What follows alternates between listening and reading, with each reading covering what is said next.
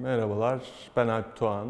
Ee, Daha çok algoritmik sanat ve e, ses tabanlı sanat üzerine çalışıyorum. Ürettiğim işlerde daha çok bunların bir araya gelerek oluşturduğu, zaman zaman interaktif yani izleyicinin etkileşime girebileceği işler olurken bazen de e, burada gördüğünüz gibi e, kendi başına akan ama yine kendi içinde de sesle etkileşime girip hikayenin akışına yön veren işlerden oluşuyor diyebilirim.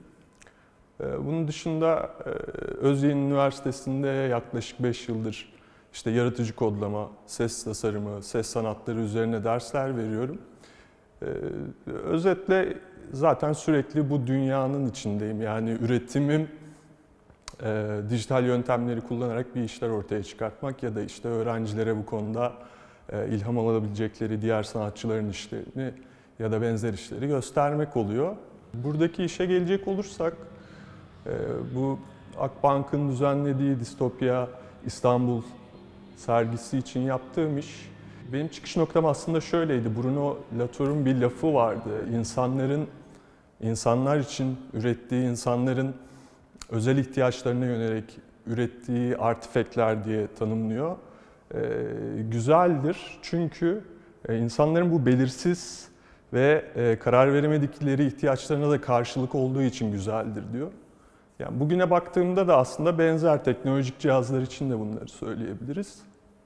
İşte cep telefonları, bilgisayarlar, e, akıllı araçlar, bütün bunlar bizim bu noktada hayatımızın içine dahil olmuş durumda. Yani bence zaten hani bu laftan yola çıkarak bu teknolojik cihazlardan bahsettim. Zaten yeteri kadar e, hayatımızdalar ve bunların bizim bazı kişisel ihtiyaçlarımız için yapılmış olmaları aslında ihtiyacımız olmayan şeylere de karşılık gelmeyeceği anlamına gelmiyor. İşte çok basit bir örnek verebiliriz buna. İşte bir marangozu düşünün. Skarpela çok işine yarar ama deneyimi yoksa elini önüne koyar ve o iskarpela e, onun canını yakabilir. Hani teknoloji de bu anlamda böyle aslında bakarsanız. İşte e, bugün çokça konuşulan hatta son dönemde çokça konuşulan e, NFT meselesi var, kripto sanat meselesi var. E, kripto sanatla üretilen yani bu yöntemle üretilen sanat işleri unik olabiliyor, biricikliğini koruyabiliyor ancak e, bunu üretirken korkunç derecede bir enerji ortaya çıkıyor ve aslında bu güzel bir şey olurken öte yandan küresel ısınmayı da hızlandıran bir etkene dönüşüyor. Yani sizin bunu nasıl yaptığınız, hangi amaçla yaptığınız önemli değil. Kullanılırken ortaya çıkan e, sorunlara biraz bakmak gerekiyor. E, bu da zamanla işte deneyim kazandıkça bizim hani aşıp belki de bu zararları azaltabileceğimiz bir şeye dönüşebilir. Ama teknolojiye baktığınızda hiçbir şey kötü niyetle üretilmiyor. Ama deneyimler sonucu, elde olmayan, hesaba katılmayan durumlar sonucu e, istemediğimiz bir noktaya gidebiliyor. E, buradaki varlık isimli işim de aslında böyle. E, asıl amacı bir ses heykeli üretmek olan, burada gördüğünüz karakter ve yardımcı yukarıda süzülen parçalar olasılık yani algoritmanın olasılıklara verdiği durum sonucu e, kontrolü kaybediyor ve kendi başına hareket ediyor. Bu benim aslında öngördüğüm bir şey ve şu anda bu yazılım, bu hikaye, e, lineer olmayan bu hikaye e, benim için hatalı dönüyor. Ama izleyici bunu nasıl görüyor? Biraz da onu izleyiciye bırakıp izleyicinin nasıl değerlendireceğini merak ediyorum. Aslında burada bu sanal dünya için e, kötü bir senaryo var. Ama izleyici bakalım bunu nasıl değerlendirecek bunu bekliyor. Burada inceleyeceği kısım, inceleyebileceği kısım aslında arkada bir ses de var. Aslında bu sesin sayısal bilgisi bütün bu dünyayı şekillendiren başka bir etken. Ee, sesle beraber birleştiği zaman, e, deneyimlendiği zaman yer yer işte sesin sebep olduğu değişiklikler ya da olamadığı değişiklikleri e, izleyicinin fark edebileceğini düşünüyorum. Çünkü ses görsel ilişkisini kurduğunuzda o hikayenin nasıl aktığı, nereye gidebildiği veya gidemediği daha çok belli oluyor. Pandemi sürecinde aslında bu tarz işlere daha çok hani yoğunlaşma fırsatı buldum. E, hani böyle pandemide üretkenliğim arttı gibi şeyler söyleyemem ama e, hayatımın büyük bir kısmı zaten böyle geçiyor. E, ama pandeminin etkisiyle mesela işte sokağımdaki soundscape'i 30 gün boyunca kaydettim. Ve e, daha önce de kayıtlar yapıyordum. Bu aradaki ses farkı yani yasak olduğunda hiç kimsenin olmadığı ama insanlar olduğunda e, bir ses dokusunun olduğu duruma dönüşüyor. E, mesela bunlarla ilgili yaptığım çalışmalar var. İşte ortalık sessizken, pandemiyken oluşan soundscape'in sebep olduğu bir görsel tema çıkartmaya çalışıyorum şu anda. Yani iyi kötü etkiledi diyemem yani tabii ki kötü etkiledi.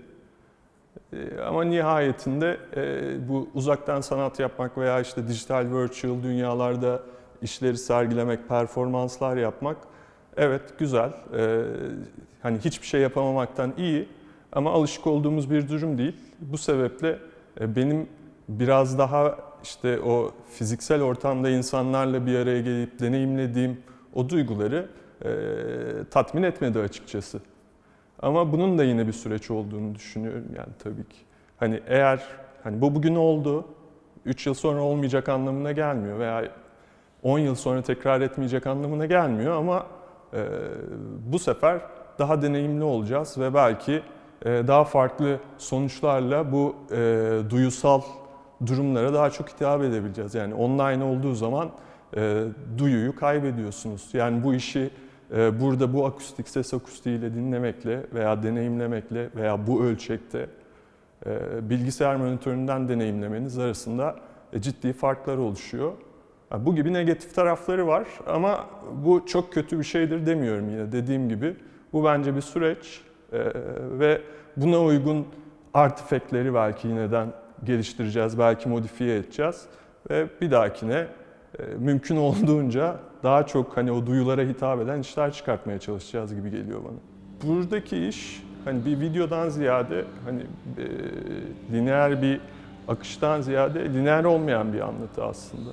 Yani şu anda biz bunu izlerken veya arkada dönerken ertesi gün buraya geldiğinizde e, başka bir sahneyi deneyimliyorsunuz. Çünkü bu e, havada dolaşan partiküller veya bu yerde olan e, zeminde yatan kişi aslında o partikülleri kontrol etmesi gereken kişi bunda başarısız olduğu için ne yapacağını bilemiyor.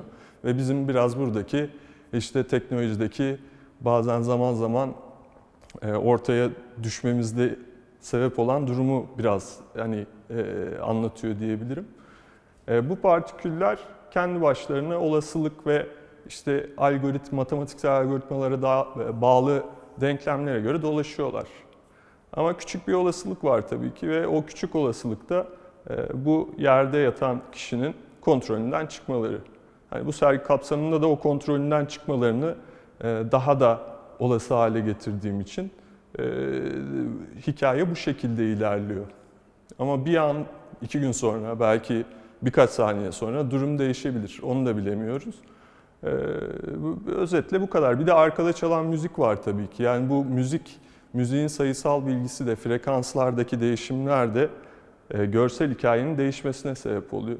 Böylece hani hem o rastgelelikten olasılık denklemlerinden gelen durum ve sesteki değişim hiçbir zaman aynı zamanda üst üste gelmediği için hikaye son derece her an baktığınızda başka bir şeye dönüşebilecek durumda ilerliyor kapatılmadığı sürece.